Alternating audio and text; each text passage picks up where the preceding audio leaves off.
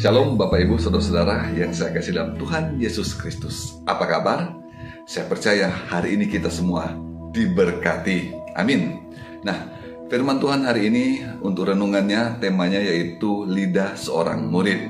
Firman Tuhan dalam Yesaya pasal 50 ayat 4 dikatakan, Tuhan Allah telah memberikan kepadaku lidah seorang murid, supaya dengan perkataan aku dapat memberi semangat baru kepada orang yang letih lesu setiap pagi ia mempertajam pendengaranku untuk mendengar seperti seorang murid. Bapak Ibu Saudara, perkataan yang memberikan semangat baru dan membangkitkan semangat baru adalah berkat bagi mereka yang letih lesu. Nah, kita ini sebagai murid Kristus, perkataan apakah yang bisa memberikan semangat baru kepada mereka yang menderita, mereka mengalami kesusahan, yang letih lesu, yang sesuai dengan kebenaran firman Tuhan.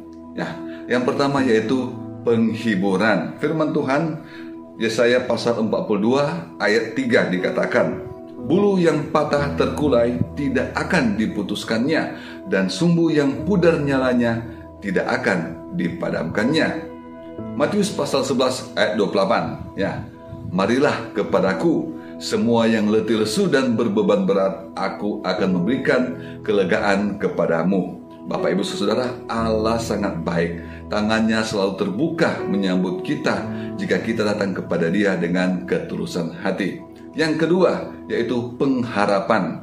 Firman Tuhan, Mazmur pasal 33 ayat 18. Sesungguhnya mata Tuhan tertuju kepada mereka yang takut akan Dia, kepada mereka yang berharap akan kasih setianya. Yesaya 41 ayat 10 dikatakan, Janganlah takut, sebab aku menyertai engkau. Janganlah bimbang, sebab aku ini Allahmu. Aku akan meneguhkan, bahkan akan menolong engkau.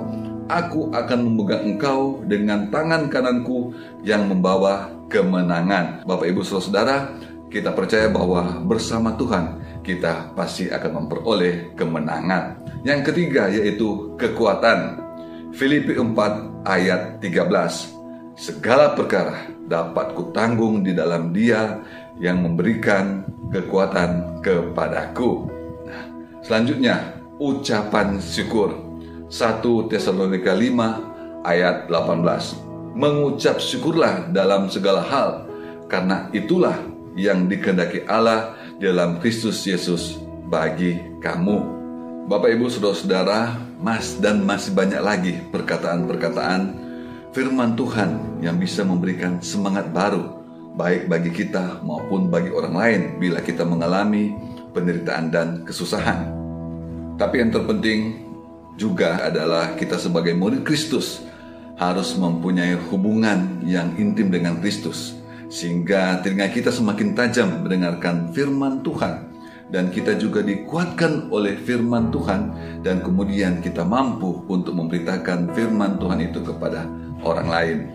Demikian firman Tuhan hari ini kita bisa menjadi berkat buat kita semua. Tuhan Yesus memberkati.